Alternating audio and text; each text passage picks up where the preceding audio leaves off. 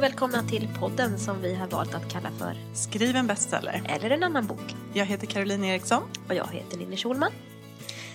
Ska vi börja med att utse vinnarna eh, till bok, varsitt bokpaket? Ja, som vi har väntat. Ja. Och, så va- glada vi är för alla fina eh, svar. Ja, gud vad det har varit kul att läsa Ja, vilka ni är och Ja. varför ni lyssnar. Och, åh, så himla mysigt. verkligen. Tack snälla ni Ja. alla som, som har varit med.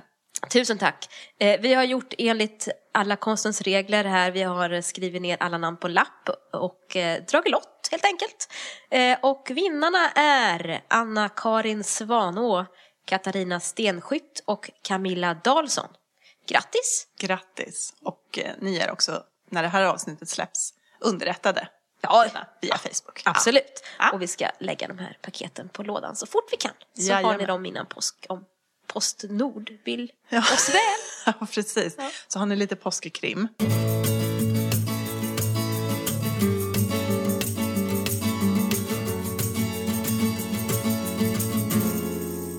Då går vi över till eh, vår vanliga inledning med lite, lite hiss. Hissstatus. Hur har din eh, vecka varit sedan vi såg senast på förlaget? Den har varit lite, jag har varit lite frustrerad. Jag, jag vill... Jag tycker det är väldigt kul att skriva just nu. Peppar, peppar. Mm. Men eh, det har varit så mycket annat som har kommit emellan den här veckan. Möten och någon som skulle besikta min öppna spis mitt på dagen. Och sådana här jobbiga grejer. Jag vill ha tomt i min kalender. Och så det här hemska på, Ja. som ju hände i Stockholm. Som är så hemskt att man inte ens kan prata om det. Men om Nej. man bortser från det så, så har det varit så. Lite. Mm, lite, um, inte sådär toppen. Nej, nej, jag har blivit störd mycket. Ja, ja. Anar du en ljusning? Ja. ja, precis. Nu har jag en, en vecka utan barn och den här veckan är det ingenting inplanerat eh, överhuvudtaget. Mm. Så det, det, jag ser ljust på framtiden. Ja. Ja, Du då? Eh, ja, ja, men jag ser också ganska ljus på framtiden Mm. nu. Inte alltid. Eh, nej, jag gjorde ju inte det Nej. för, för inte särskilt länge sedan. Eh, det är väl egentligen, ja, det, nu den senaste veckan har det ju har det gått, gått Ja. bra och känts bra och varit roligt igen. Men precis dessförinnan Mm. så hade jag ju en väldigt svart stund. Ja, Jag skulle nog nästan säga att det är en av de värre jag har varit med Ja, om hittills jag har aldrig fått sms av den typen förut. Nej, de var eh, Det var, jag blev mörka. riktigt orolig faktiskt. Ja. Ja. Nej, så det var jättejobbigt. Alltså den, det- den här enorma bara känslan att det här, det här går inte. Nej. Och att jag eh, liksom hade på något vis målat in mig i ett hörn. Eller jag hade ställt mig själv i ett hörn. Det var min känsla. Ja. Jag kunde inte ta mig ur det här hörnet. Eh, och jag kunde inte liksom tillåta mig att eh, varken stanna upp eller, eller framförallt inte att på något vis bara sträcka ut en hand och, och berätta för andra hur det kändes. Nej. Sen gjorde jag ju det i alla fall. Ja. Och då är det ju det där, ja glöm aldrig nu att det är så jag ska göra. Jag säger det här till mig själv som en sån här, det är precis det som måste till. Be om hjälp. Be om hjälp, sätt ord på Mm. exakt hur det känns. För direkt när man har gjort det så lättar ju det där mörka. Ja. Eh, några nyanser Ja. bara av det. Ja. Och sen att höra andra människor då. Du fanns ju med mig eh, och jag hade också några andra liksom, som fanns med mig nära. Och eh, att få höra då, eh, att få stöd Ja. och bara veta att vi finns här. Det lättar ju också jätte, upp jättemycket. Och sen att bara, sen är det liksom att eh, ha tillit till att det vänder. Ja. Så som vi har pratat om förut också. Det kommer inte att kännas sådär fruktansvärt för alltid. Även Nej. om det känns precis så just då. Vad var det som hände då? Hur Ja. hamnade du där nere? För det, det var djupt. Det var s- s- kolsvart. Mm, mm. Ja, men tror jag drabbades av hur mycket som... Jag är ju jag är väldigt perfektionistisk när jag jobbar. Jag, jag kan inte komma ifrån det. Eh, och jag drabbades av en, en sån... Jag, jag skrev ut och läste det då som jag hade redigerat dittills. Ja. Och så bara kände jag att det här är, det är så mycket kvar. Innan det här blir något som är bra. Eh, Så jag tror att det var den känslan. I kombination med att jag började bli riktigt, riktigt stressad. Jag började känna att tiden krymper. Och, ja, och sen kombinerat med en, en trötthet. Jag har varit inne på det lite tidigare. Jag har hållit på med den här boken ganska länge nu. Det är liksom snart ett och ett halvt år som jag har hållit på med den. Och jag börjar bli trött.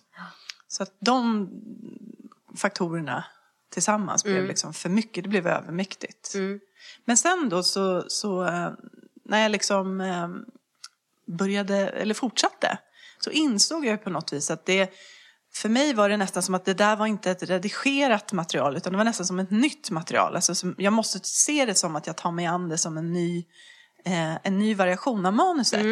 Och den första versionen av manuset blir aldrig bra. Nej. Och om, man, om jag kunde se det på det sättet, Ja. då kände jag att, äh, men just det, när jag nu går igenom det igen, Ja. eh, för andra gången, då kände jag liksom hur det lyfte. Precis den där känslan som jag ville ha. Så jag tänkte det att jag ska försöka att- komma ihåg det också.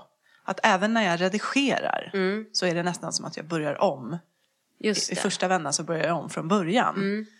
Och då är det igen så att det blir dåligt. Eller det blir inte tillräckligt Men du får bra. för dig att nu skriver du någonting som ska bli jättebra. Ja, Ja. just det. Att jag liksom redan inne, jag är ju inne på andra vändan Ja, så nu ska det. det ju lyfta ytterligare. Ja, just det. Men för mig funkar det inte så. Jag, jag känner igen det faktiskt från tidigare. Att det, liksom är, det, det blir eh, två steg bakåt, men sen blir det fem steg framåt. Mm, Så, att, och så fort jag liksom fick tag i den känslan igen, Ja. då, då lättade det ju. Ja. Eh, och nu känner jag mig, eh, nej men nu har det ju varit stabilt liksom den senaste veckan. Så att bortsett från att det alltid är liksom en, tids, eh, en tidsfaktor i det, så känner jag att nu vet jag, min, liksom, jag är ensam nu över påsk. Eh, och, då, är det jag och datorn som, som firar tillsammans. Och sen är det inlämning dagen efter Ja, precis. annandagen. Ja. Så för nästa vända. För nästa, precis. Det tar ju inte slut. Nej, precis. Men eh, ja, Så så. du vet vad du ska göra i påsk. Jajamensan. Men det är skönt att se att du mår bättre. Ja, det är lite skillnad va? Mm, Mycket, mycket. Och du var ju fantastisk där också som fanns med mig. Så att, eh, jag, jag vill minnas att jag till slut riktade ett litet frieri till dig. Ja, och jag sa ja. Kan vi alltid vara tillsammans? ja precis. Nej, men det är otroligt mycket värt. Det har vi också varit inne på. Det här med att ha någon eller några eh, andra skrivande som man kan lita på fullt ut. Ja, och, som, och som förstår också hur ensam man är när man sitter där. För att när man är i sin mörka grop och inte hittar varken upp eller ner så då, då är man ju så ensam. Så det finns inte. Nej, precis. Och det är svårt att förklara för någon som aldrig har varit där Just det. hur det känns. Ja, verkligen. Så det är bra att ha någon som är Ja. införstådd med det där. Precis.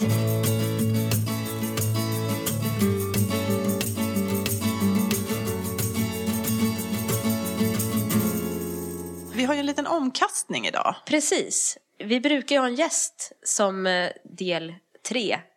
Men eh, vår gäst kommer inte förrän nästa vecka. Eh, och det är Simona Arnstedt kan vi Ja. ju berätta. Ja, det Ro- ska bli vår, vår egen romance-drottning. Ja. Det ska bli jättekul. ja, det ska bli jätteroligt. Och både du och jag känner ju Simona Ja. rätt väl. Så att, eh, eh, vi ser extra mycket fram emot det just därför. Ja. Eh, och jag tror att det kommer bli ett toppenavsnitt för alla lyssnare. För Ja. Simona är... Hon är så klippa. driven och ambitiös. Eh, så hon kommer att ha hur mycket som helst att Ja. berätta. Jag ser jättemycket fram emot det. Ja, det, det gör jag också. Men vi får vänta en vecka till. Och då gör vi ju istället så att vi kör då frågor och svar idag. Så att, eh, ska vi gripa oss an de frågorna? Vi hade ju faktiskt ett par frågor kvar från, eh, som låg och skvalpade efter förra frågor och svar Ja, som vi inte hann med riktigt då.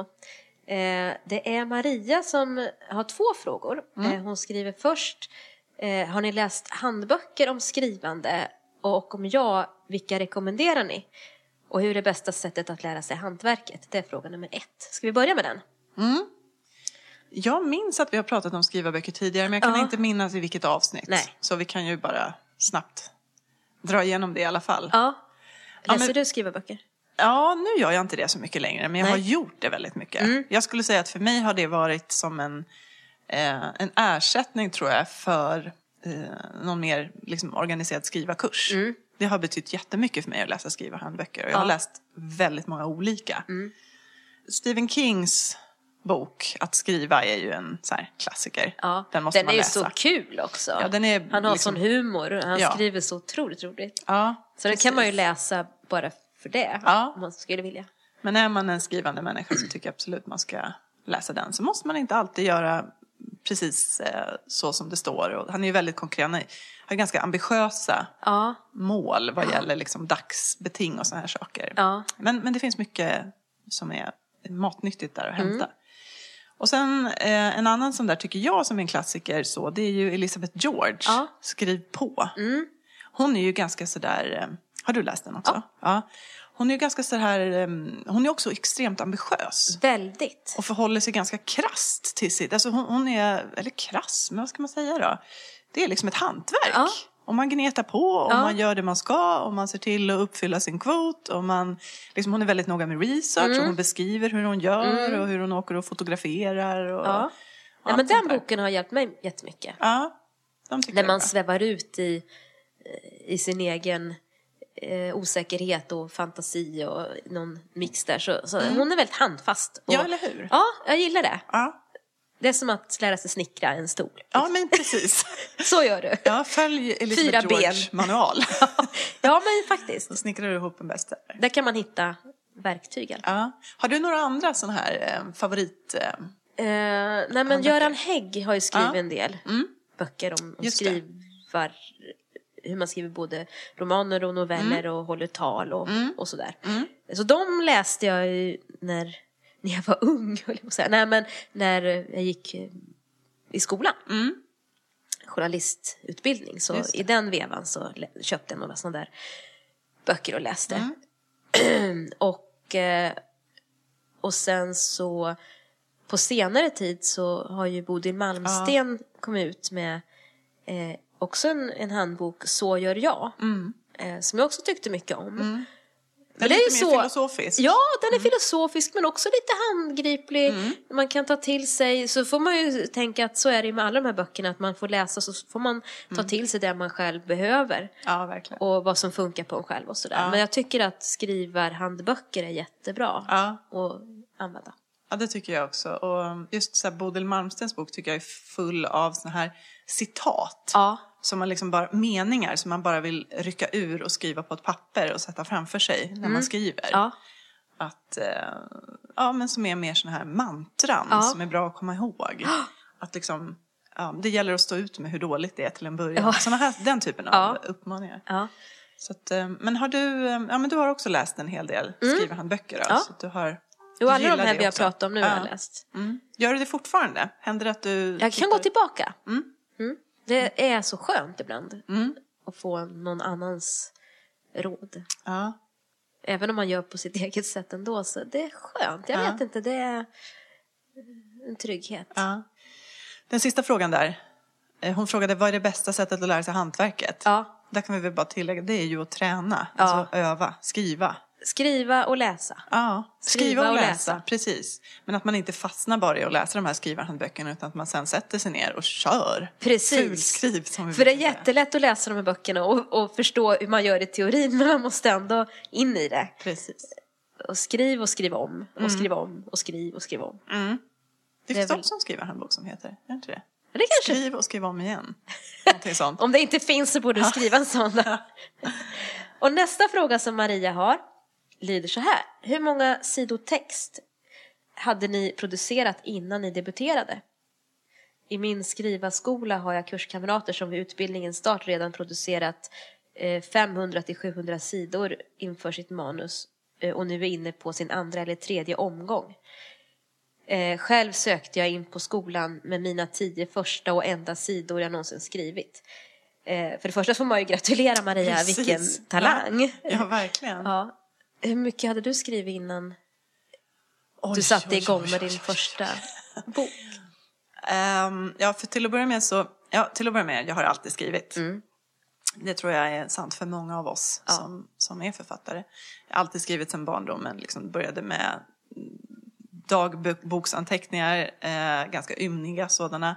Eh, noveller, dikter, kortare texter eh, och så, upp genom hela liksom, tonåren. Sen ehm, upplevde jag det egentligen den enda period som jag inte har skrivit så här fritt och kreativt, det var under mina universitetsår. Då blev det lite kväst. Då var det istället en, en annan typ av skrivande som man ju ägnade sig åt. Så jag, då skrev jag ju mycket, men det var en annan typ av skrivande. Väldigt så här formellt och, och ganska stramt.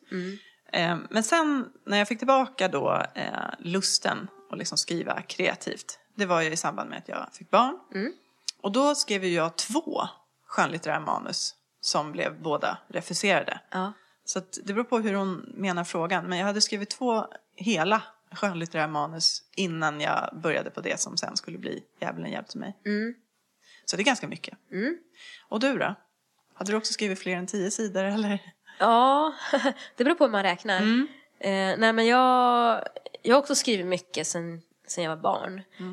Eh, och förutom dagbok så hade jag ganska mycket brevvänner. Som jag, framförallt en som jag brevväxlade väldigt tätt med. Eh, och vi skrev väldigt, väldigt långa brev till det. varann. Så att egentligen jag skulle vilja ha tillbaka och det vore jättekul Ja. att se vad man skrev. Men det var, det var så här 15 A4 på maskin och sånt. Eh, Så det, det var ju väldigt Wow. mycket text. Ja, Ja. ja. Så det, det är synd att man inte skriver sånt idag. Ja, för att det är verkligen Mm. Dokumentärt.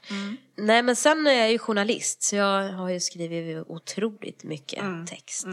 Och det är ju bra. Har du glädje, eller hade du glädje Ja. av, av det? Ja. Att vara van vid att skriva Ja. så att säga, även om det var i en annan form? För det är ju så man lär sig. Mm, Och man lär sig att inte vara rädd för sin egen text. Och man lär sig att ta kritik och skriva om och se, se sin text som just en text och inte ens själ. Liksom. Men också framförallt att skriva, att inte vänta på inspiration. Utan ska den här artikeln in i tidningen så får man se till att skriva den då, nu, exakt nu. och inte sen när man får feeling och sådär, utan man får, man får producera. Och det, är- det är nyttigt. Det är nyttigt, jättenyttigt nu när jag sitter och, när du också sitter sådär varje dag. Att ja men, det ska göras liksom. Precis. Eh, Men sen så hade jag ju skrivit då lite olika, jag hade börjat på en massa, massa idéer. Mycket dikter och sådär också. Men eh, det känns som att när jag väl satte fart med Flickan med snö i håret så var det ingenting som jag hade skrivit dit till som liknade det sättet att skriva på. Det var första gången du skrev ett, ett skönlitterärt Ja, manus eller ja, hade den ja. ambitionen att Ja, göra det? det var det faktiskt. Mm, och det gick ju bra. Så det finns olika vägar.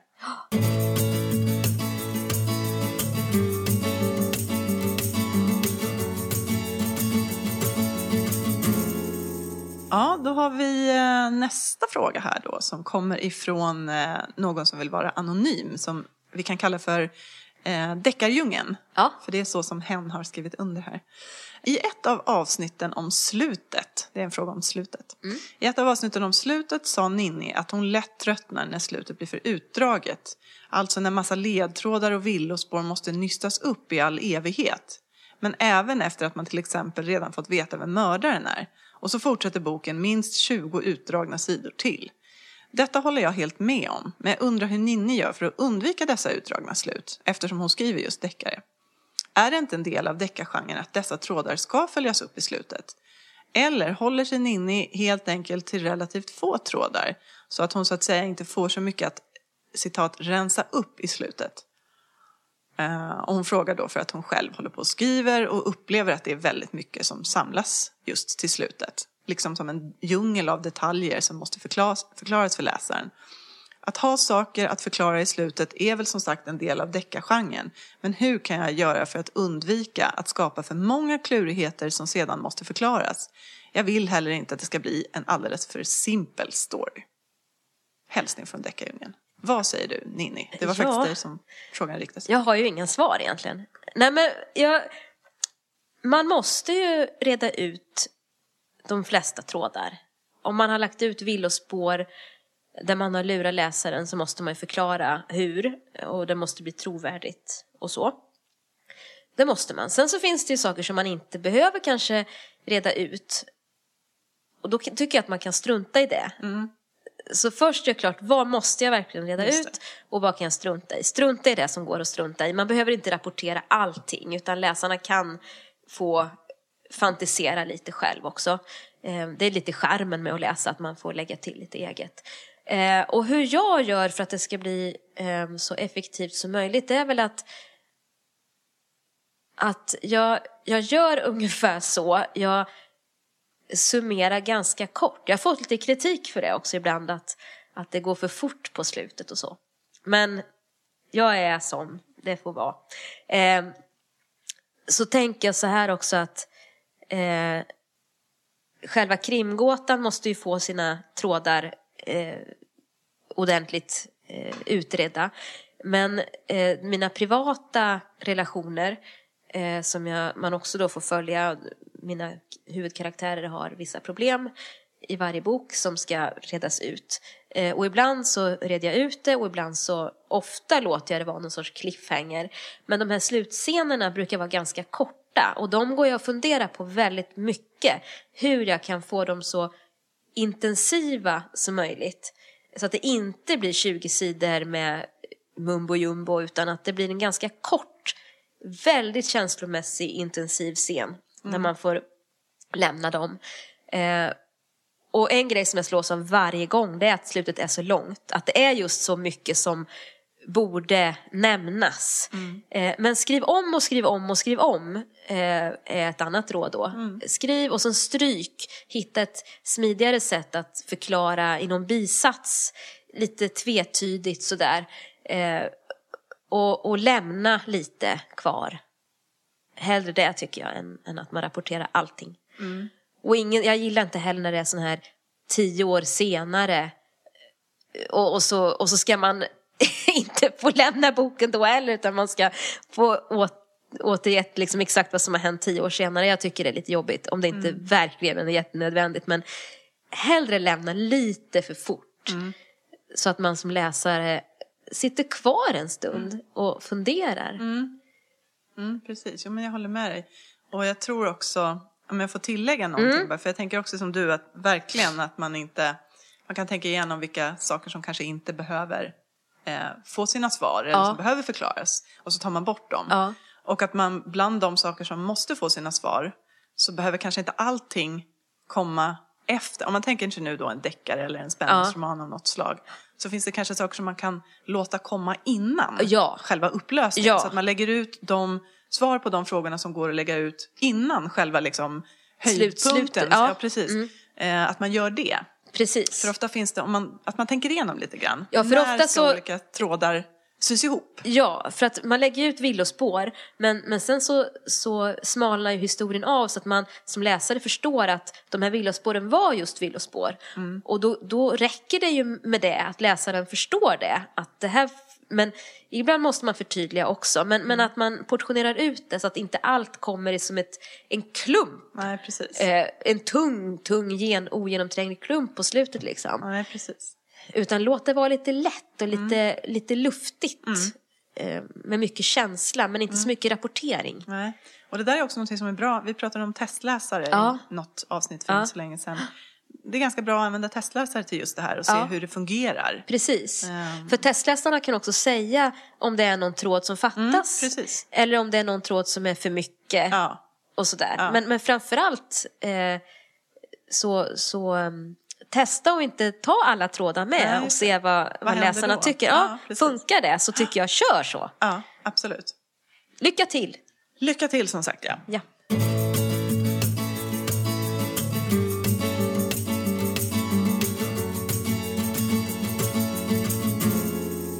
Ja, eh, sen har vi då fått faktiskt eh, tre frågor som på olika sätt rör det här med marknadsföring och PR. Mm. Så det verkar ju vara någonting som många funderar på. Ja. Och vi kan väl ta och titta på, på dem mm. alla tre, vi mm. försöker att prata runt dem. Mm. Till att börja då, en början så är det Eva-Lotta som skriver, berätta gärna mer om fördelningen mellan skriva å ena sidan och PR å andra sidan. Jag vill helst bara skriva och tanken på allt resande i skrivandets tjänst och att vara en offentlig person skrämmer mig lite. Samtidigt vill jag ju bli läst. Jag förstår henne ju. Om man ser i tid skriva PR så skriver man väldigt mycket mer. I alla fall jag. Ja, absolut. 90% skriv och 10% PR. Mm. Det är ett väldigt litet fönster. Jag tycker det känns som att man liksom öppnar ett fönster när boken Ja. släpps och så står det där fönstret på vid gavel. I två månader ungefär och Ja, sen precis. pang så stängs det igen. Och så sitter man där i mörkret ensam igen. Så att, eh, nej det är en liten, Mm. Det är en liten del av det. Mm. Ja. Men det här med, eh, jag tänkte på det här med, hon skriver också allt resande och att vara en offentlig person. ja. Det, det ska ganska mycket till innan man blir en offentlig person som författare. Det tror jag är också ganska bra att säga Ja, faktiskt. det är, inte, det är inte direkt så att om man ger ut en bok så får man sitta i morgonsoffan och prata och att man blir igenkänd av alla överallt hela tiden. Så är det faktiskt inte. Verkligen inte. Jag ser, jag ser inte mig själv som en offentlig person överhuvudtaget. Jag blir jätteförvånad när någon känner igen mig någonstans. Mm, Eh, Det händer ju då och då, men, men inte, väldigt sällan. Mm. Så det är inget problem liksom. Man ska skriva väldigt mycket och sälja jättemycket Ja. och vara med överallt för att bli det. Så det, det är ingen stor sak liksom. Det får man väl ta då. Ja, precis. Och vill man inte det så, jag menar att, att bli en riktigt känd offentlig person, Mm. då krävs det att man är med i olika lekprogram och Mm. att man faktiskt frivilligt utsätter sig för, för den exponeringen. Mm. Så det kan man ju faktiskt tacka nej till sådana saker. Precis. Och det finns ju några sådana ansikten i Sverige. Men det finns också exempel på motsatsen. Jag tänker på en sån som Fredrik Backman. Ja. Som så frukt, har sålt så fruktansvärt mycket böcker. Alla har läst En man som heter Ove. Och det går skitbra för honom i USA och över hela världen. Jag tror att det är väldigt få som skulle känna igen honom om han Ja. kom. Eh, mot dem på stan. gatan. Ja. Eh, och det har liksom, det, jag uppfattar det som att han har valt liksom den approachen. Ja, Så att eh, sk- skulle man väl komma dit, även om man når den statusen så att Ja. säga, så kan man fortfarande välja i viss mån hur, hur eh, offentlig eller publik man vill vara. ja, det kan man faktiskt. Sen har vi Camilla som också vill veta lite om vad som händer när boken har kommit ut. Hur jobbar ni respektive förlaget med marknadsföring? Det är den ena frågan och så undrar hon också, är det skillnad nu jämfört med när er första bok kom ut? Eh, ja, jag tycker att det är stor skillnad, i mitt fall i alla fall. Mm, på vilket sätt då, då? med- Vad är det som har hänt? Nej men första boken då, då kändes det som att då gjordes det väl inte så där jättemycket. Och så är det ju för debutanter, man vet inte om det kommer sälja. Och då förlagen har ju bara en begränsad, begränsade resurser även för marknadsföring. Så att man satsar på de böcker som man vet har i alla fall en möjlighet att sälja. Men en debutant har man inte en aning. Så det släpper man ut lite grann och testar. Och sen när, det, när läsarna hittar den så förstår ju förlaget att ja, men här, här är det viktigt att berätta att nästa bok kommer. Så det, det höjs ju eh, vartefter. Eh, och eh, förlaget gör ju ska man, hur ska man uttrycka att de, de ser ju till att boken kommer ut och att information når ut till tidningar, att den här boken finns och att bokhandlarna får eh, provläsa och att de får affischer och eh, tillgång till material som behövs och, och så vidare. Så där. Man annonserar, man anser att det finns eh, pengar till det. Man bestämmer var man ska annonsera och hur mycket. Och det är mycket beslut som ska tas. Det gäller att hitta rätt för just den boken. Var hittar man de här läsarna någonstans? Så att egentligen finns det inget enkelt svar vad de gör utan det beror faktiskt från bok till bok hur man väljer att jobba. Men att de jobbar både med eh, marknad och PR, men lite olika beroende på var man befinner sig i sitt författarskap och vad Ja. det är för typ av bok. Vad det är för typ av bok, vad det är för klart. tema i boken, vad det är Ja. Mm. för sorts bok. eh, Det skiljer sig väldigt mycket åt. Liksom. Det, det måste man säga. Jag tänker att den går lite grann in i eh, den tredje frågan av den här karaktären som vi har fått från Cecilia. Jag hoppas jag uttalar ditt namn rätt. Som också frågar om marknadsföring av boken och hur det går till. Vad gör förlaget och vad förväntas ni som författare göra? Ja. Om man försöker vara lite konkret, vad är det Mm. vi gör? Vad är det vi gör egentligen när vi eh, släpper en bok och är Ja. ute och marknadsför den? ja, vad är det vi gör? Ja, vad är det vi gör? Man, eh, nej men man är, mm, eh, i bästa fall så blir man intervjuad någonstans.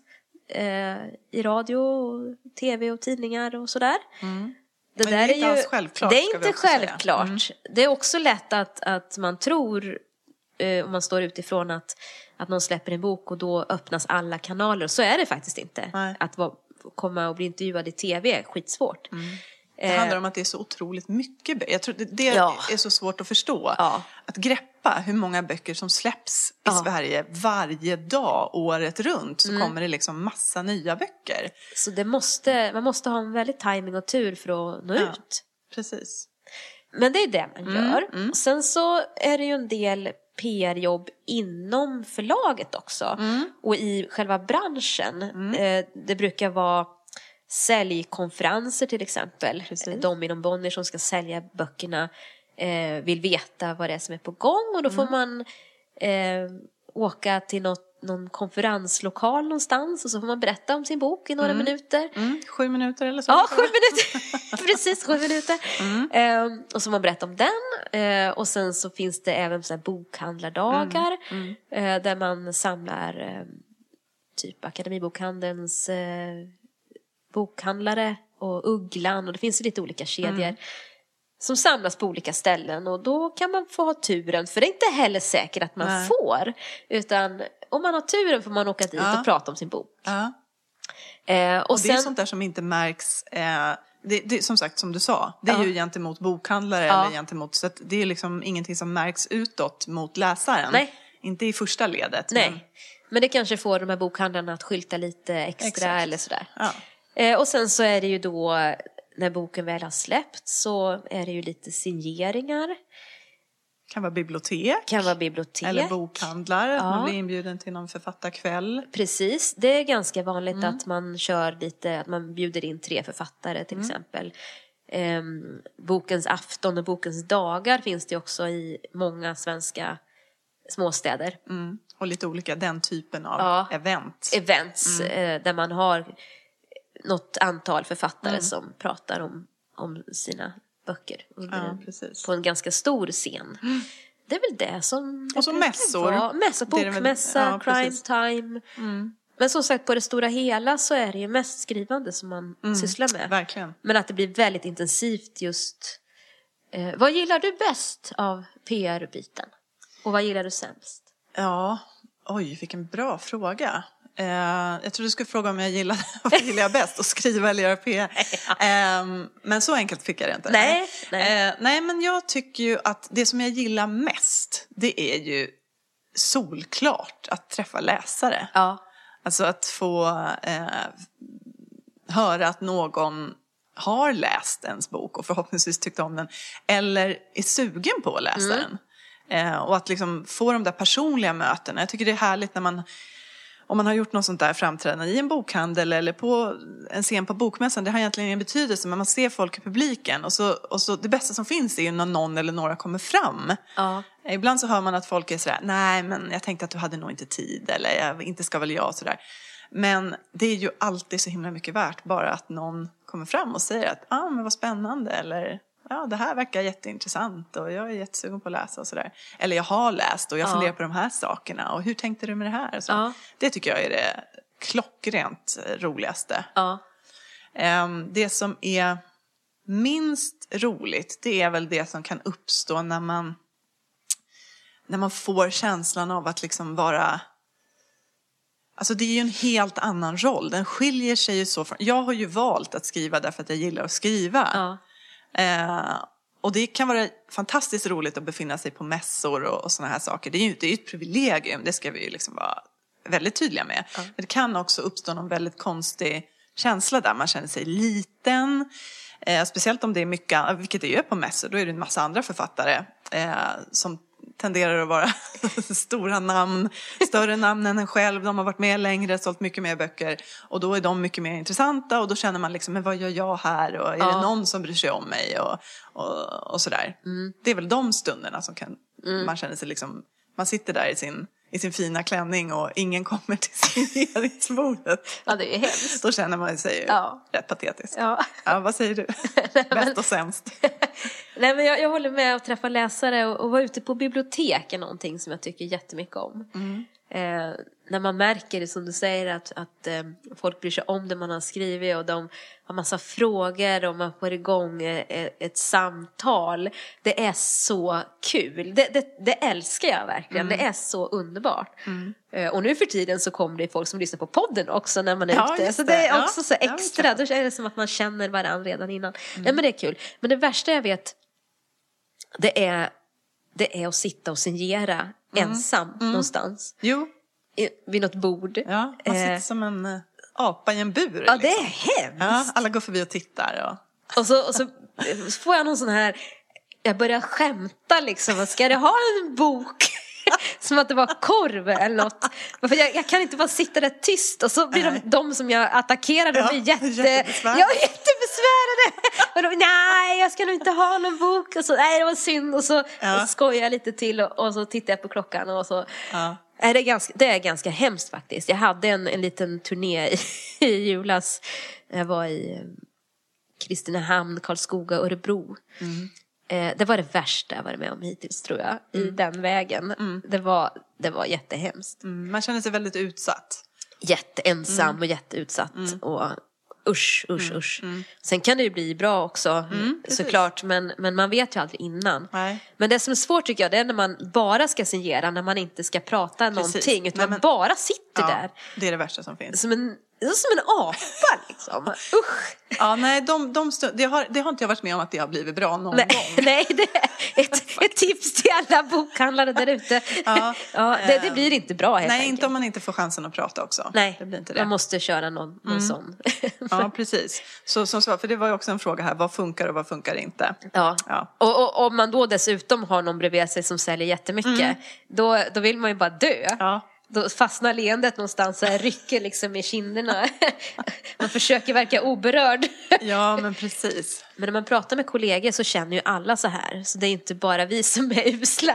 Är ju- Nej, precis. Lyssnarna tror nog att vad är det här för, vad är det för några som vi har lyssnat på hela det här året? Ja, nej, precis. Nej, men det, är ju, det hör ju till. Ja, det är nog Men det. är en ganska hemsk baksida av det hela. Ja, det är det faktiskt. Mm.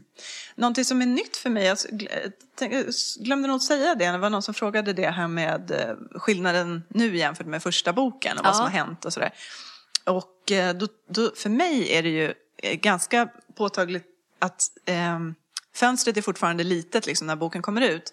Eh, men däremot så är det så här små pytsar när Ja. nu de försvunna kommer ut utomlands. Ja, Och då kan det ju bli att jag får, eh, liksom, jag träffade någon polsk journalist här för inte så länge sedan och jag ska liksom göra någon eh, eh, intervju på mail med min, någon i Serbien och lite såna här grejer. Eh, och det är ju rätt kul. Ja. Och det är också sånt som ligger mera insprängt längs vägen. Det är Just ju det. inte den här stora grejen eller satsningen som det kan vara Nej. när man släpper en bok i Sverige utan det är mera eh, lite små, små insatser. Men sådana saker kan det också vara ja, man får göra. ja, precis. Cecilia hade en sista fråga på, på temat här. Vilket ansvar har författaren själv att försöka komma ut och prata om sin bok? Det är ju en fråga om, igen då, vad, hur mycket ska förlaget eh, stå för och hur mycket ska man själv eh, fixa? Ehm, nej men, jag tackar ju ja till allt.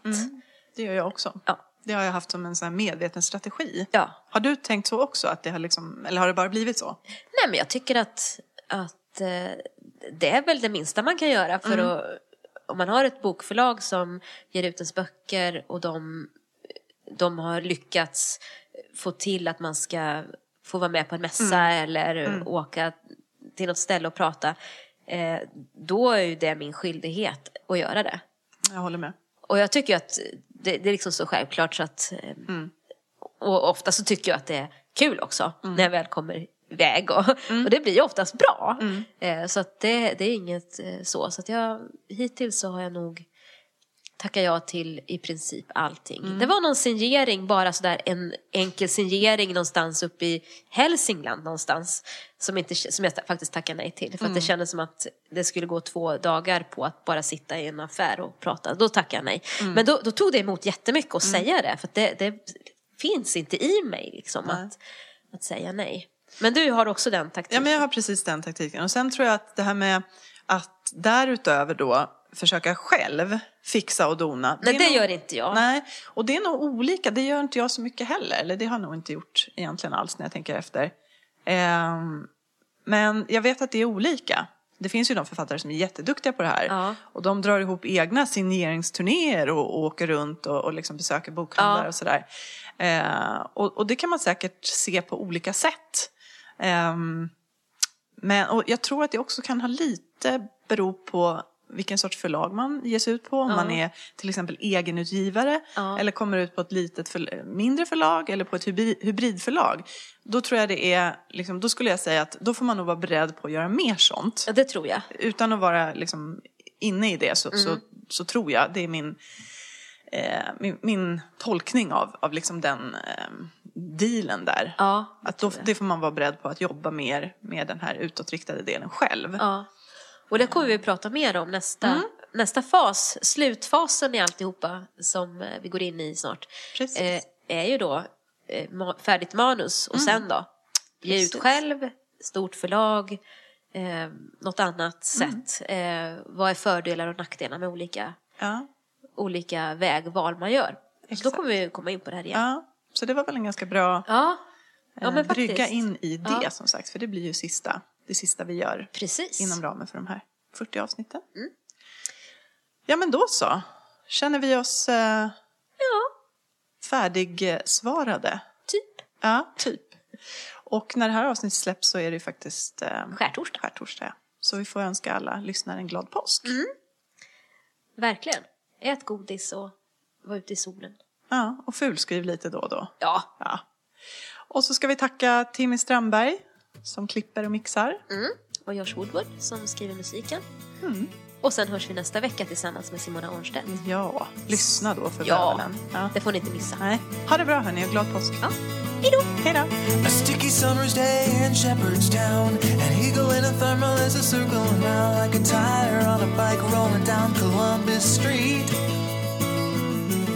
But Katie got a little look of hope in her eyes and her arms unfold and she looked skies and said, I'm gonna learn to fly around with you, yeah. She jumped up high and she fell to the ground and skinned her little knee and made a horrible sound. She got right up and she tried it again and smiling all the way with her unstoppable grin.